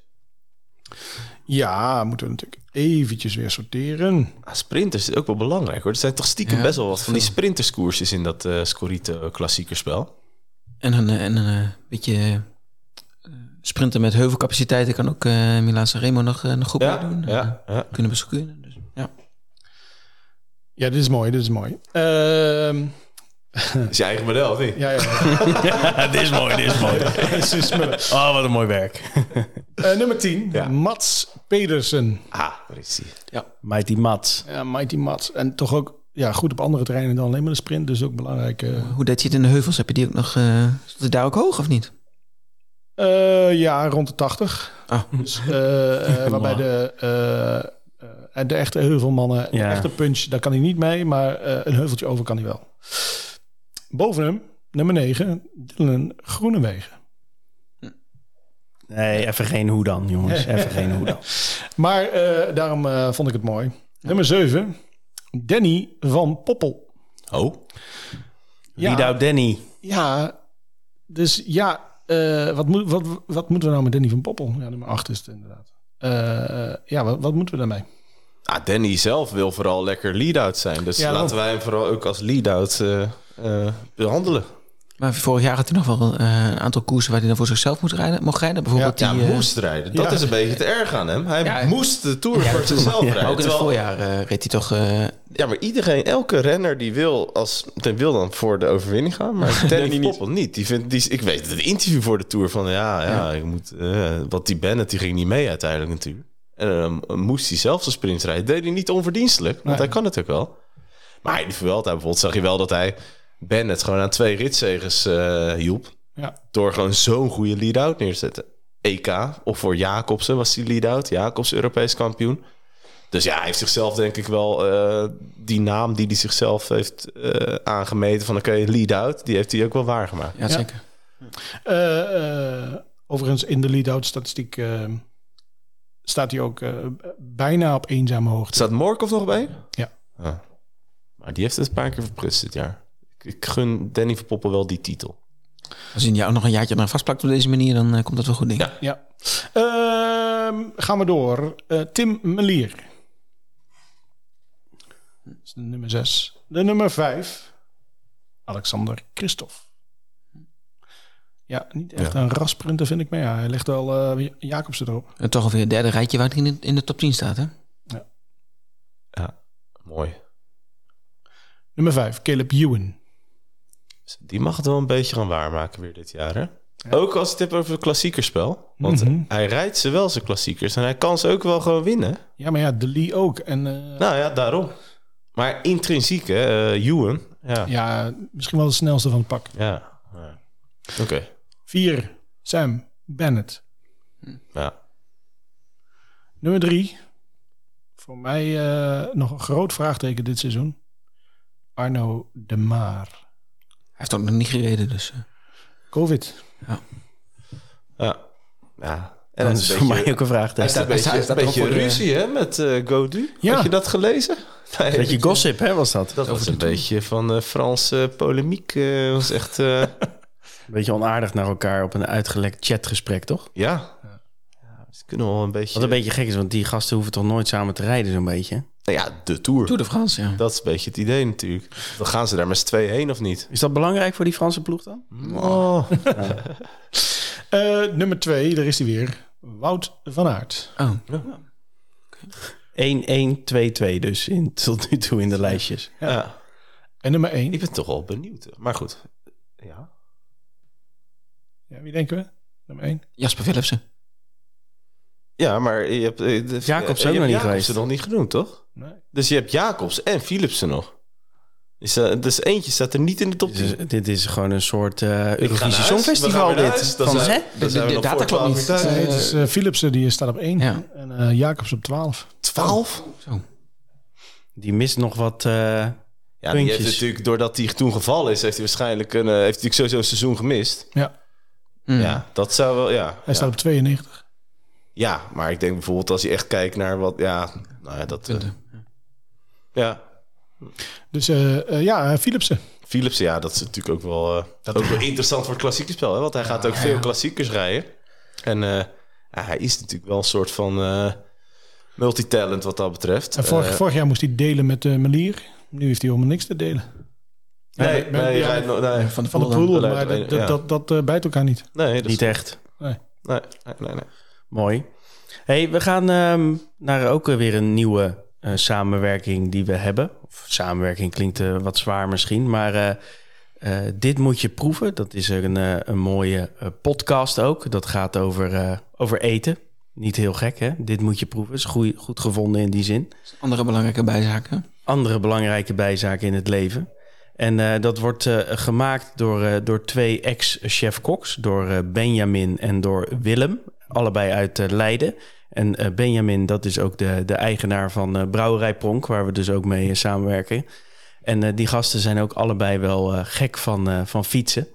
En extra leuk is dat die... ehm, eh, nou, een, een korte soundbite gaan aanleveren. We moeten nog even kijken of ze dat elke keer gaan doen of alleen voor de, voor de grote eh, momenten. Maar ze hebben in ieder geval nu het Vlaamse voorjaar gepakt. En eh, gaan ze even eh, in, een, in een goede minuut keuvelen over wat je nou het beste kan eten als je achter de tv zit. En wat je het beste kan drinken. Dus laten we even naar ze luisteren. Ja. Dag wielerorakel-luisteraars. We gaan jullie op weg helpen met wat je moet proeven tijdens die heerlijke Vlaamse voorjaarsklassiekers. En eh, Willem, wat eten we daarbij? Nou, een echte Vlaming die eet gewoon friet met Andalus. Oh, dat is ook lekker. Maar we gaan onszelf iets meer uitdagen. We maken Bretonse mosselen. Heerlijk mosselen, echt een dikke, vette Vlaamse traditie. Hoe maken we dat? En is dat dan op tijd voor de muur van Gerardsbergen, Willem? Ja, dat is het zeker, want Bretonse mosselen staan in 5 minuten op tafel. Pannetje, flinke scheut olie erbij, zorgen dat die goed heet is, mosselen erin, 1 minuutje hard bakken, één keer goed roeren, verse kruiden erbovenop, knoflook, roosmarijn, peterselie en shallot. Wil je hem nou nog wat smeuiger maken, doe je scheutje wijn erbij. Nog één keer goed roeren, deksel erop, wacht tot ze open zijn. Duurt een minuut of drie, vier en dan ben je er. Mossel op een schaal, frietje of Frans broodje ernaast, en je klaar voor de koers. Wat drink je daar dan bij? Nou ja, de Vlaming zelf drinkt vrachtwagenladingen met pils. Op zich niks mis mee, maar ik zou eigenlijk kiezen voor een lekker mooi blond bier of een trippel of zo'n mooi abdijbier. Gewoon met iets meer smaak, dat je eigenlijk gewoon eh, ook een beetje tegen die mosselen aan kan. Heerlijk, ik heb zin in het seizoen. Ja, en anders ik wel. Het is bijna tijd voor de omloop en we hebben dit voorjaar overigens ook een aflevering klaarstaan over stoofvlees. Perfect voor bij de koers. Tot snel. Dag. Verdikkie jongens, ik krijg er wel trek van. Zo. Dat doen ze toch wel mooi, die gasten. Ja. Een blond biertje, iemand nog een sjoefje? Een sjoefje of eh, maar eh, mosseltjes. Wat, eh, wat denk je ervan Arjan? Eh, nou ja, eh, eh, ik laat me uitdagen. Maar eh, eh, ik zou het zelf niet zo snel klaarmaken. Maar het, het klonk wel lekker zoals ze het vertelde. Ja, hartstikke leuk. Die, die gaan nog vaker terugkomen. De mannen van Dit Moet Je Proeven. Kun je in, eh, in Spotify of op Apple Podcast kun je dat intikken. En dan eh, kun je naar, eh, naar hun podcast luisteren. Dus ga dat vooral doen om, om dat eens aan te horen. Wat ook leuk is, is dat we een, nou ja, een samenwerking hebben dus met, met Pronk Brouwerij. En dat we elke keer een bierpakket mogen weggeven. En in deze gaan we hem weggeven aan degene die onze subleague op het Scorito Klassiekerspel wint. Dus dat is eh, ergens bekend in mei. Dan is, eh, wanneer is Esborn Frankfurt, eh, Daniel? Ja, begin. Dit- 1 mei altijd, toch? 1 mei. Op de, is dat een Dag maandag van- trouwens? Eh, dat durf ik niet direct te zeggen. Maar volgens mij is 1 mei, dat, dat is toch de... Of is het eh, van de Dag van de Arbeid? Dus- Ja, Dag van de Arbeid. In, eh, ja. Ja. Hm. Maar in ieder geval, dan, dan hebben we de winnaar bekend. Dus dan eh, eh, eh, kun je... Dan krijg je een, eh, een wielerpakket of een, eh, een bierpakket opgestuurd van Pronk. Ja. En zo gaan we elke podcast die we doen, eh, zo ook voor de omloop en Kuurne straks, eh, vragen we eh, een voorspelling. En als je die goed hebt, dan eh, kun je een pakket winnen. Hey, Leuk, lekker. Interactie, leuk. Hoop jij nou dat dat biertje dat je net op hebt, dat die in het bierpakket zit of niet? De- deze niet. Nee. Duchesse du Bourgogne. Ik zag jou een paar keer jouw gezicht vertrekken en ik denk, nou, dit, dit is niet helemaal... eh, Het is um, oene makelaardij, denk ik. Maar het is niet, eh, het is niet te hakken, jongens. Oh, is gewoon Vlaams bier, hè? Ja, ik weet het, maar het is niet te hakken. Ehm, gaan we door? Ja. Hè? Altijd. We hebben, we hebben eh, Thomas, die, die appte mij gisteravond. En die zegt, eh, doe even op Twitter nog even een oproepje... of mensen nog wat hebben voor de podcast. Lekker. Dat was een goed dat idee. hebben we geweten. dat hebben we geweten. We gaan er een paar gaan we eruit pikken. Want eh, zo zijn we, hè. We, we luisteren naar onze luisteraars. Dus eh, Het zou raar zijn als we die niet serieus namen. Dus eh, ook Rijnt Schappel, Schapel, hou man. Mooie naam. Wel, Zeker. Rijnt. Goed Scrabble-woord ook. Ja. Die, die zegt, Wellen staat hoogstwaarschijnlijk op veel zwarte lijsten... maar ik neig er toch naar om hem te kiezen. Behoorlijke kans op 10 punten... en stel dat hij zijn vorm nu wel eens wat langer doortrekt. Hoe staan jullie hierin, Thomas? Nou, ik snap wel wat Rijnt bedoelt. Dat hij allicht eh, op wat zwarte lijst staat. Omdat wel een natuurlijk traditioneel altijd heel goed is in januari en februari. En dan neemt iedereen hem. Een beetje Quinta- Quintana-syndroom als hij een eh, jaarteam maakt. En dan, ja, dan uiteindelijk levert hij niet. Alleen bij mij staat hij zeker niet op een zwarte lijst. Want hij staat eigenlijk in mijn team. Eh Wellens is iemand die, die de heuvelklassieks aan kan. Maar die ook top 10 heeft gereden in Omloop Nieuwsblad. Die in Strade Bianche. En die eh Pogacar in zijn team heeft. Dus die ook nog gewoon 10 punten kan sprokkelen. Dus absoluut geen zwarte lijst. eh is wel eens niet op mijn zwarte lijst in ieder geval. Mooi. Dat lijkt me een, eh, een goed antwoord ook. Net zoals Trent 10 overigens. Hetzelfde team. Eh, Zeer constant. Veel koersen rijdt hij. Altijd, goed, altijd goed in het openingsweekend. Allebei 2 miljoen. Koop je. Dark Horse, vraagt eh, Wart. Daniel. Lewis Eski. Lewis Eski. Ja, dan moet je het er maar mee doen. Wie kent hem niet? Ja, maar dat is ook echt... Ik bedoel, de luisteraars zitten er redelijk diep in. Dus het is ook wel echt iemand die, eh, die nog door moet breken. Maar eh, vorig jaar zat hij al een aantal keer mooi mee in de, in de, gro- in de goede groepen. Dus eh, nou, ik, ik verwacht wel wat van hem dit jaar. Ja, maar je hebt er niks aan als je volgend jaar kan zeggen... ja, vorig jaar had ik hem al in mijn team en nu doet hij het goed. Waar rijdt hij? Hoe duur is die? Hij rijdt bij eh Française. En volgens mij is hij niet zo heel duur. Ik denk eh, een half miljoentje. Dat denk ik ook. Nee, ja, als ik dan... eh, eh, dan zou ik David Dekker zeggen. Ook een half miljoentje. En die gaat het echt bij Arkea echt wel goed doen. Mooi, hè? Matthijs Klerks, die, die wil weten of Mathies Louvel een goede keuze is, Thomas. Ja, nou, Matthijs heeft eh, waarschijnlijk eerst even gekeken eh, of er Matthijs of Mathies in zaten. Die kwamen bij Mathies Louvel. Ehm, dat is wel eh, toevallig eentje die ik ook in mijn eh, lijstje had staan eh, bij renners. Want ik kijk altijd een beetje naar renners die dan het jaar daarvoor net wat top 20 plaatsen bij elkaar sprokkelen, die wat jong zijn. En Mathies Louvel is zo iemand die kan vrij veel aan. En hij is ook wel, ja, ook wel in staat om, om klasseringen te rijden. Hij is 500.000 punten, dus dat is ook goed te doen. Euro of punten? Europunten. En, eh, nou, dus eh, ik vind dat een goeie. Eh, ik, ja, weet je, hij gaat, niet, eh, hij gaat geen klassiekers winnen, dat geloof ik niet. Maar als hij nog een plaatsje vrij heeft voor een half miljoen, dan zou ik hem zeker aanraden. Ja, Simon Clark is misschien ook nog wel een, eh, een in die categorie van een, van een half miljoen... die het eh, Ja. veel koers goed kan gaan doen. Gaan we verder met Maarten 231. Niet te verwarren met Maarten 321 of 123. Nee, Nee. Maarten 231 die vraagt of De Lee een goede optie is, Arjan. Ja, eh, hij zit in mijn team. Ja, ik denk heel eerlijk gezegd dat De Lee in ieders eh, team wel zit op het moment. 2 miljoen, rijdt nou, sinds vorig seizoen al ontzettend goed. Ja. En is ook dit seizoen natuurlijk begonnen. En Daniel steekt zijn vinger op, daar moet een mooie statistiek uitkomen. Nee, Pitcock wint. Pitcock? In, eh, in de Algarve. Hmm, wat vinden we daarvan? Ja, waarschijnlijk heb je er wel een deuntje van. Eh dat verbaast mij dan weer niet. Nee, ja, Nee, ik eh, heb geen deuntjes. Het is toch het, eh, ja, het, eh, ja, het verboden woord misschien. Hè, al is het natuurlijk ook een beetje wel gehyped, deze Pitcock-discussie hier eh, in deze podcast. Pitcock is wel duur hè, in het klassieke spel. 4 miljoen volgens mij. Maar hij rijdt ook echt wel mega veel. En ja, ik blijf het zeggen, het is echt wel een multitalent. Hij kan echt heel veel aan. En eh, ik zie hem ook een heel goed voorjaar rijden. Maar hij is zo grillig. Dus, dus die etappe, eh, nu wint hij. Maar eh, hij was met, de eh, met de brommer op stap Ja, ja. Ghana. In plaats van dat hij zegt, joh, jij bent sterker, win jij nou? Ja, dan gaat hij het toch proberen. En kort won hem heel mooi die etappe. Maar volgens mij, als Ghana voor zichzelf had gereden, dan had Kort hem denk ik of had Kort hem niet gewonnen. Had Ghana hem ingelopen. En, en dat, Ja, ik snap wel wat je bedoelt. Alleen het is wel, ondanks dat hij grillig is, eh, hij kan wel zowel de heuvels als de, de kasseien, als de, weet je, ja, hij, kan kan zelfs echt de Waalspel. eh ja, zeker, ja. Dus het is een. eh, ik kijk ook een beetje naar Tom, omdat die heeft natuurlijk best wel wat aversie tegen Pitcock opgebouwd in het verleden. Ehm, ik wil jou ook niet overhalen om het te nemen. Jawel, jawel, want dan gaat hij weer tegenvallen. Nee, maar het is een, eh, het is een, het is een soort van een, eh, een keuze die je denk ik moet maken bij Ineos. Van ga ik voor Pitcock?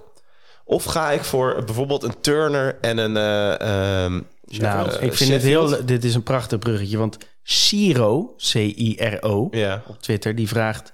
Wie moet er mee van Ineos? Pitcock voor 4 miljoen of spreiden naar Turner en Sheffield? Ja, ik ben dan van eh, dat, je, dat je in dit geval Pitcock meeneemt.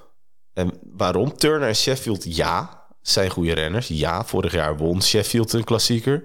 Ja, Turner is goed in vorm, want die, is een keer, eh, die heeft een eh, klassieker in Spanje gewonnen. Alleen, ja, ze hebben het nog niet bewezen in het, in het voorjaar, in mijn ogen. Wel wat eh ereplaatsen behaald. Maar ik denk dat daar, als je de hiërarchie kijkt bij Ineos... dat, dat ja, als Pitcock goed is, dat die daar wel eh, bovenuit steekt. En ja, eh, Ik zou eh, spreiden. jij zou ze- ja? Ja, wat, wat voor... Ja, jongens, ik ga het echt zeggen.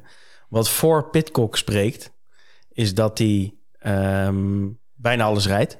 Hè? Eh, Want hij heeft zelfs in een interview gezegd van... ik wil eh, volgens mij van de omloop tot, eh, Tot Luik. tot Luik wil die, wil die meedoen en alles rijden. Hij zei, ik wil alle Scorito-koersen rijden. Wil die winnen? Ja, dat eh, geloven we wel. Maar ehm, tactisch vind ik hem dus nog wel een soort van interessant. Omdat hij dus 4 miljoen is. En je kunt hem, als die tegenvalt, wat wel eens gebeurt... kun je makkelijk inwisselen voor een 3,5 miljoen renner... waar Kuhn, Van Baarle, eh, dat soort type renners zitten. Als je het andersom doet, dus je begint met een 3,5 miljoen, dan ga je dus niet meer Pitcock in kunnen brengen. Oh, ik kijk nu al uit naar het moment dat jij Pitcock in je team hebt zitten... die eerste paar keer niet presteert en dan hem eruit haalt. En, en dat hij dan gaat winnen. Nou, Wat leuk. Mag je nou weer terugwisselen? terugwisselen, dat weet ik eigenlijk niet. Dat is even Dat is een goede vraag. Dat is een goede vraag. Hey, we gaan even door, omwille van de tijd. Eh, lange Toepie, die, eh, die wint er geen doekjes om. Vinden jullie die gouden wissels ook zo kut? Ja, dat is ook zij. Ik snap wel heel goed wat hij zegt. Ja, Ehm, het, het, het neemt wel iets weg, vind Ja, ik. In voegt eh, iets toe, neemt iets weg, moet zich nog uitkristalliseren. Lange Toepie, rustig blijven, jongen. Ja, na, na, na het Scorito-spel eh, na het Scorito-spel kunnen we zeggen of het, of het iets was of niet. Ja. Alain Philippe, wat vinden we daarvan? Ik, ik weet het niet. Hij, eh, mensen vergeten, dit is zo makkelijk hè, maar mensen vergeten echt dat hij vorig jaar zo hard op zijn bakkers is gegaan in Strade Bianchi. Ja. Anders had hij gewoon echt een fantastisch seizoen gereden. De jaar daarvoor, kijk maar eens naar zijn uitslagen. Die kerel die gaat gewoon dit jaar weer huishouden, joh, daar ben je na van. Ik geloof het echt. Ja, ja, hij is wel iets minder overtuigend dit voorseizoen dan, dan voorheen. Maar ja, het is wel à la Philippe. En het is Ja. wel iemand die gewoon twee keer achter elkaar eh, wereldkampioen is geworden. Dus eh, ja. ik zou wel zeggen van die eh, zou ik er maar wel in zetten. Lutsenko vraagt Charlie. Overigens, Alain Philippe was gevraagd door Christian van den Vlekkert. Hey, voor de meeschrijvers. Charlie vraagt Lutsenko. Niet. nee, zou ik niet doen. Nee, ik... eh, nee. Gewoon niet doen. Nee. De Lee versus Ewan. De Lee. Welke ploeggenoten van? Vraagt Pelle ook nog. Die vraagt gewoon drie dingen. Nou, Pelle, je hebt mazzel. De Lee versus Ewan wordt de Lee. Ja. Welke ploeggenoten van? Dus daar doelt hij natuurlijk op uh, Benoot, uh, Van Baarle Ja, die komt of nog- en langs, ja. Laporte. Tratnik heb je ook nog. Die is wel een slagje goedkoper. Ja. Je hebt die drie gasten van 3,5 miljoen hè, die jij noemt. Laporte, Benoot en, eh, en eh, Van Baarle. Ja, dat is wel... eh, ze zijn wel flink aan de prijs allemaal. Ik heb zelf een enorm zwak voor Benoot. Dus eh, ik zou dan misschien voor Benoot kiezen. Omdat die ook... Hè, die eh, kan naast het Vlaamse voorjaar... Kan die ook, eh wordt die vorig jaar van mij ook podium in... eh, podium in Amsterdam Gold Race. En die kan dat ook aan. Strade Bianca natuurlijk is gewoon in het verleden. Ja. Dus ja, eh, daarom zou ik voor hem gaan. Maar dat is ook licht. Ik merk wel dat ik daar wat beïnvloed word door mijn eh, gevoel. Precies. Sander Kriekaert, dat is wel de laatste die we gaan behandelen. Ehm, wel of geen Pogacar voor de kasseien? Absoluut. Volgens mij is Pogacar gewoon 100% Ja. must. Dus nemen? Meenemen. Ja, eigenlijk zou je die drie grote namen, ook Duurs in het spel, dus Pogacar, Van de Poel en Van Aert, ja, dat zijn eigenlijk volgens mij gewoon alle drie gewoon must-haves. Die vul je gewoon in en eh, dan eh, kijken wat je over hebt voor de, voor de andere 17. Hm. Het is zo'n grote gok als hij hem niet neemt. Eens. Ja. Hey, dan gaan we naar de, onze, onze tips. Daar zit, zit iedereen natuurlijk stiekem gewoon op te wachten. Totdat wij onze must-haves, don't-haves en wanna-haves gaan, eh, gaan noemen. Ehm, we gaan het enigszins kort houden. We hoeven niet over iedereen heel erg uit te wijden. We hebben nog 13 minuten tot de pizza's komen. ja. ja, ik heb ze besteld, dus ze komen wel. Ja, Zijn dus ze ja. nog warm als ze hier zijn, denk je? Ik denk het wel. Ja? Pizzeria in Oene? Ja, die komen uit Zwolle, toch? Nee, nee, gewoon het EP, eh, jongens. Gewoon beschaafd wereld hier, hè? Oh, Ook wel. nou ja. Hey, laten we... We hebben geen tijd te verliezen, jongens. Nee. Arjan, Ja. ik wil graag jouw must-haves 3, don't-haves 3 en wanna-haves. Ja, nou ja, we hebben het net over gehad. Mathieu, Pogacar. Ja, ik vond Wout van Aert zo vanzelfsprekend, dus heb ik de Lee opgeschreven als must-have. Eh, don't haves. Roglic, ja, die heeft aangekondigd eh, alleen maar eh, Catalonië te rijden en dan de Giro. Dus die rijdt nul koersen, dus 2 miljoen in de bak. Als je hem wel neemt. Ja, en het is natuurlijk, dat is een, precies zo'n voorbeeld die je dan eh, neemt. eh, waar, waar je gaat kijken, hè, misschien dat hij uiteindelijk toch rijdt, maar dan kan je prima inwisselen. Ja, je toch gaat rijden. Ja. eh Tim Melier, niet nemen. Nee? Eh, Oké. Arno de Maar. Eh, ja, terug van COVID. En ik, ik, ik zie het hem nog niet zomaar doen. Eh, en dan de, de hoofdbrekers, waarvan ik nog probeer om ze in mijn opstelling te krijgen. Want ze zitten er nu nog niet in. Matej Mohoric. Tim Wellens.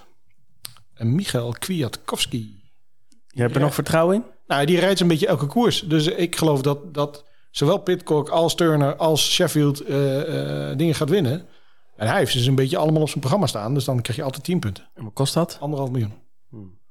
Ja. Ah, daar zit het in. Daniel?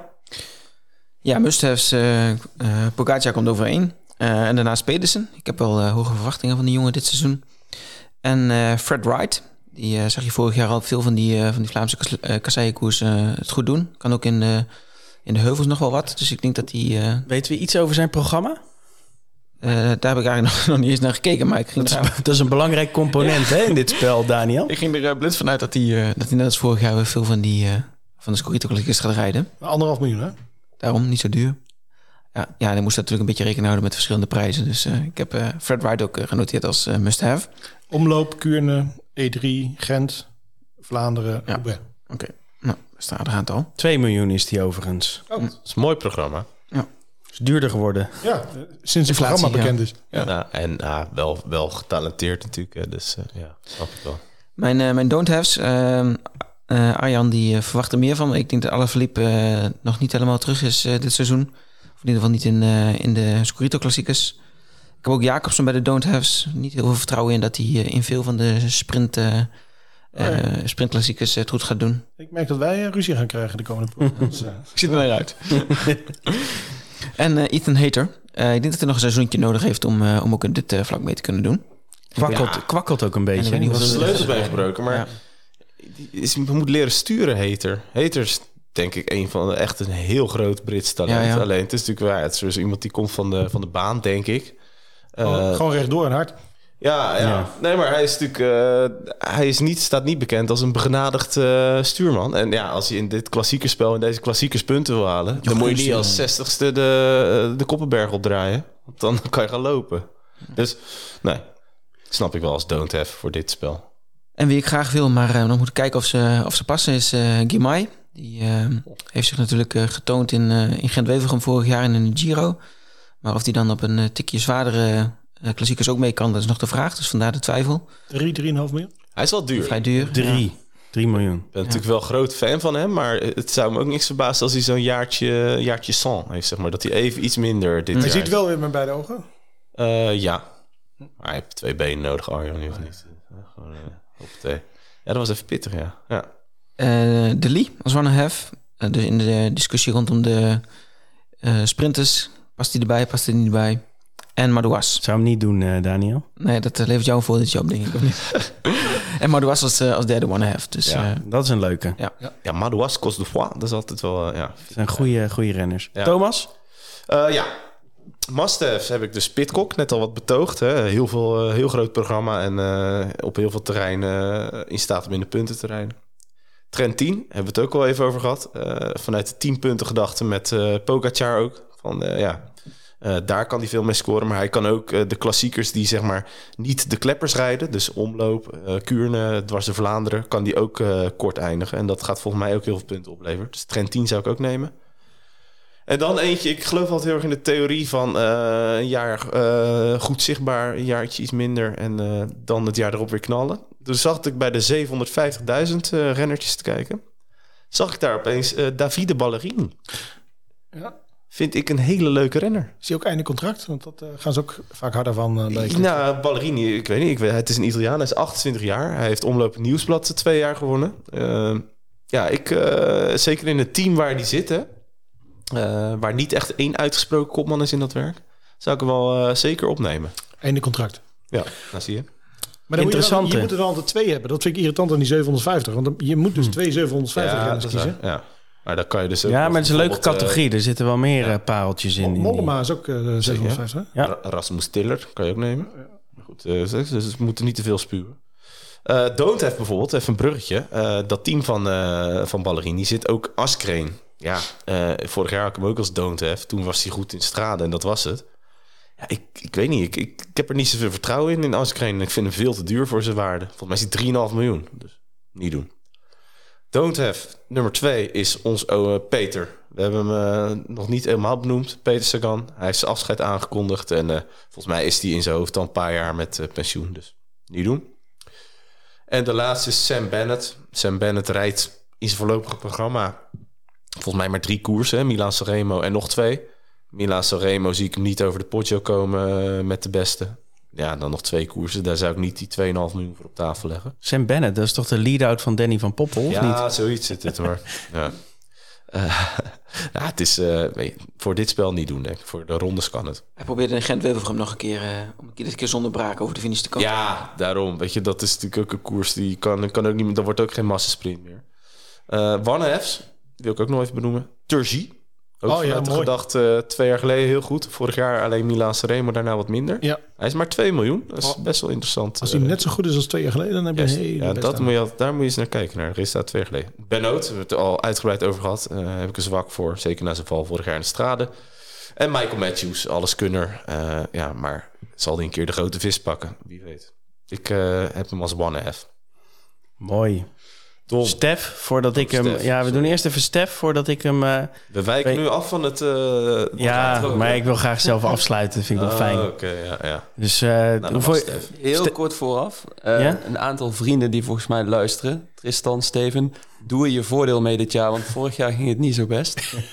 je mag ook de groetjes doen als je wil hoor. Stef. Goed luisteren, jongens. Goed luisteren. Ja, Tristan en Ehm, Steven die zijn knijten lam op dit moment. Dus die, het zal allemaal best, denk ik. Die Wie weet luisteren ze Ja. terug. Ja. Ehm, Nou, dit was ook de laatste keer voor Stef. Ehm, ik begin met de must-haves. Eh, Laporte. Hm. Veel mensen twijfelen volgens mij over de keuzes voor de team eh, Ja. punten, maar ik vind die vrij eh, makkelijk.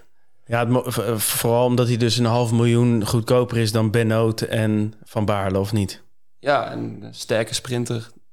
Ja, hij kan nog wel echt op zijn sprint eigen uitslagen vertrouwen. ook nog wel rekenen. Hij, Ja. hij kan het, het, eh, het sprint van het groepje erachter ook nog winnen.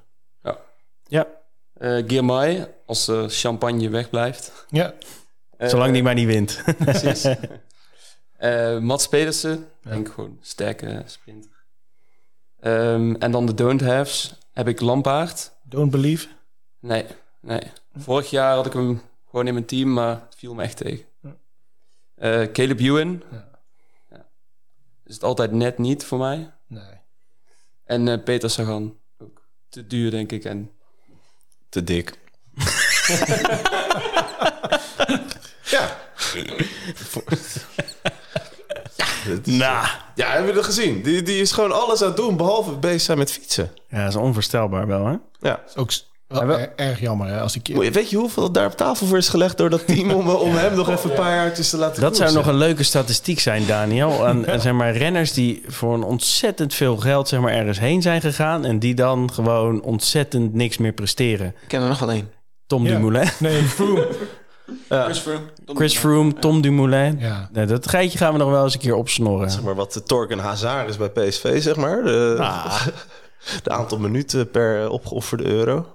Maar Ah, Hazard, die, die kan het nog doen, hè? Ja, weet ik. Hebben jullie nou voetbal in... eh, of- Ja, zeker. Ah, dit. En door. En dan Feyenoord. eh, de one-halves.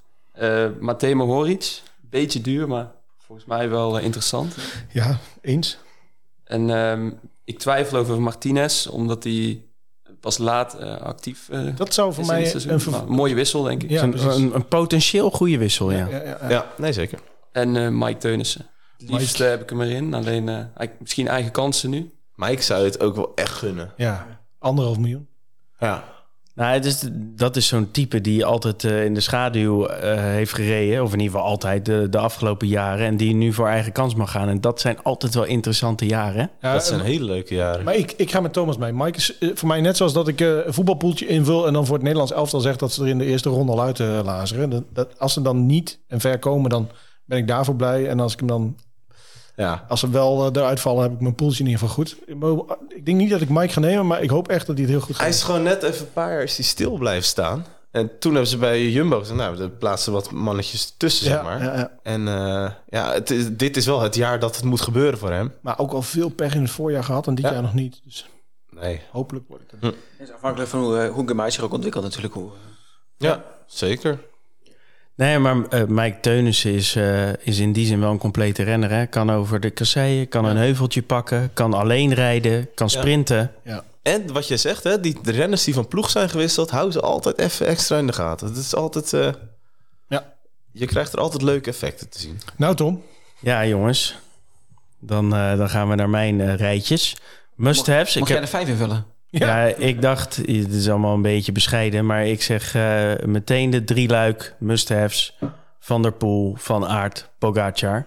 Ik denk, eh, het zijn een hoop eh, europunten bij elkaar, Thomas. Maar als, je, als je die niet neemt, heb je een groot probleem, denk ik. Tweede must-have is Girmay. Ik vind het wel grappig dat mensen hem niet, of in ieder geval twijfelen over hem hij zit nog niet in mijn team. Heeft eh, zoveel eh, eh, potentie. eh, rijdt redelijk veel. Eh, ik zie hem echt heel veel punten bij elkaar sprokkelen. Onthoud die naam. Biniam Girmay. Ja. En Christophe. Ja, die oude viking. Ook weer zo'n renner die van ploeg is gewisseld. Hè? Eh, naar Uno X gegaan. Ja. Daar helemaal weer eh, eh, eh, het volrecht voor het kopmanschap. Eh, heeft alle ruimte om, eh, om huis te houden. Dat, doet hij, dat deed hij altijd al. En dat blijft hij nog steeds doen gezien zijn recente uitslagen. Ja. Dus Christophe is voor mij ook een absolute must-have. ik vond het ook wel een mooi teken dat de Intermarché echt, echt wel jammer vond dat hij wegging. Omdat het zo'n op een top prof is. En ook bij Uno X zeggen ze dat Ja. ze al heel erg tevreden met, hem, met zijn bijdrage ook voor het team is. Dus die kerel die gaat dan niet even al met een soort prepensioen. Die gaat nog echt wel zijn best doen. Ja, want ze hebben er ook echt een aantal. We hebben net Rasmus Tiller al even Ja, genoemd. ja. Die Wernskult. Maar die is ook zo Tiller is echt een hele leuke renner. Ja, ja. En eh, Don't haves. Ewan. Hmm. Ga ik in mee.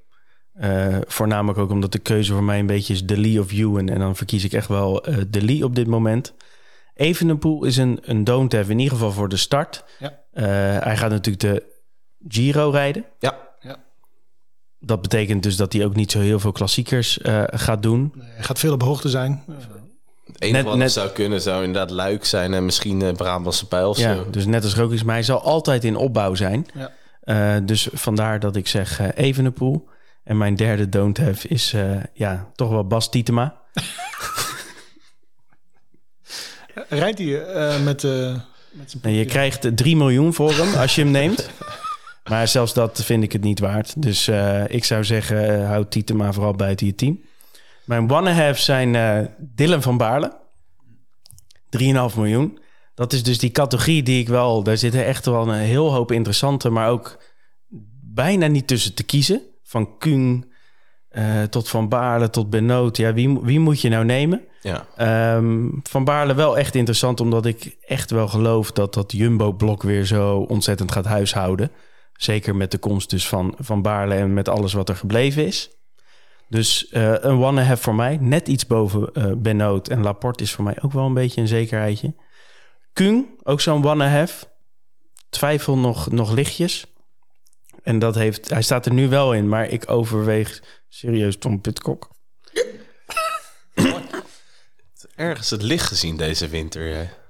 Ja, ik denk misschien wordt, wordt het dan gewoon minder vervelend. Ja, en het lekker is dat ik hem er gewoon uit kan wisselen als het kut is. Ja, ja. Dus wat dat betreft een grote fan van de Gouden Wissel. Bettiol is mijn derde one-half. Slechts een miljoen. Ja, Ehm, maar laatste jaar ook niet heel best, zeg maar. Nee, maar eh Bettiol is, nu- het is niet iemand die al eh, midden 30 is of zo. Eh, hij heeft ook niet heel veel gereden in het voorjaar. Maar het is wel een talent. En hij, hij is altijd, volgens mij aan het begin van het jaar, is hij toch altijd weer eh, op de afspraak. proloogje gewonnen. Wel eh, droog gereden eh, waar eh, anderen nat reden. Had een klein voordeel, ja. Ja. Bidon naar cameraman gegooid. Ja, de keurig. Maar goed, in die 1 miljoen categorie heb je eh, zeg maar, Stibar. Ook weer zo'n renner die van ploeg is gewisseld. Hè? Ja. Van Marken nog eh, erbij. Nou, laten we dat even niet doen. Schrijf even een naampje op, eh, die ook al heel goed is dit jaar. Veel podiumplaatsen. Eh Jordi Meus. Ja, sprintetje. Die is leuk, ja. Ik heb hoge verwachtingen van. In, in de 1 miljoen eh, serie, Ja. Simmons. Ja, mooi. Denk ik ook, ja. Ja, als hij gewoon even een full pool voorjaar rijdt. Want eh, ik heb het idee bij Simmons dat hij soms ook denkt van... Ah, dat vind ik niet zo leuk koers. Hij vindt Strade Bianca vindt hij heel vet. Dus dat was hij ook al een keer al heel goed. Dus als hij echt eh, de andere voorjaarskoers goed luistert naar het trainingsregime van eh, zijn ploegmaat Bouke... dan komt het wel goed. hey, jongens, eh, we gaan hem afronden. Oh, Nu al? Ja, de pizza's die staan bijna voor de deur. Ja. We zitten nu op eh 1 uur 31. Ja. We hebben het netjes gedaan, toch? Anderhalf uur? ja, zeker. En Maar we hebben natuurlijk op Twitter ook zoveel vragen gehad... maar die discussie die blijven natuurlijk gewoon... Hè, dat gaan we gewoon lekker op Twitter ook eh ja, je stuur alsjeblieft je vraag in, want dat vinden we leuk. Zo is dat. Ja, hè, Arjan, vind je superleuk. Ja. ja, dat wordt een druk weekje, eh, jongens. Hey, eh, eh, eh, wilde wel nog ook aan onze luisteraars vragen... van als je ons nog niet beoordeeld hebt op Apple Podcast of op Spotify... eh, geef ons even een, eh, een beoordeling en het liefst eh, vijf sterren. Anders hoef je dat op zich ook niet te doen. Dat wil ik dan ook wel erbij zeggen. Ehm, want dan worden we ook weer vindbaar voor, voor van alles en iedereen. Dus misschien niet heel goed voor je, voor je ranking in je subleague, maar wel heel erg aardig. Ehm, en verder, nou, we zijn heel actief op ons Twitter-account Wielerorakel, maar volg ook vooral de, de wieler-accounts van Zoer Cyclingstad en eh Cy- eh. Ehm, voor alle, alle leuke eh, weetjes. Dat is wel Engelstalig, dus, maar je kan tegenwoordig heel makkelijk vertalen. Dus dat moet wel lukken. Ehm, ja, ehm, en, en natuurlijk de blog, wielerorakel.nl. Dank allemaal. Ja, Mooi om hier te zijn, Arjan. graag gedaan. Gastheer. Op naar de omloop. Op naar de omloop gaan we een mooie podcast weer voor maken. Dank, Stef. Ja, graag gedaan. Mooi podcastdebuut. Succes. Volgende keer geen eh, groetjes meer doen. Laatste waarschuwing. Thomas, Woensdag weer, hè? 1 uur en 30 minuten naar huis straks. Oh, naar huis. Ik dacht deze podcast, ja. Ja, we kunnen weer terugluisteren straks. ja is wel In zijn volledigheid. Lijkt me echt superleuk. En volgende week donderdag dus Cycling Oracle eh, online. Inderdaad, die vergeet ik nog bijna. Een van de belangrijkste dingen. Cyclingoracle.com. Hou onze kanalen in de gaten, want dan eh, ben je een van de eh, testers die, eh, die mee kan doen om ons portaal beter te maken. Hey, dank voor nu en eh, tot later. Later.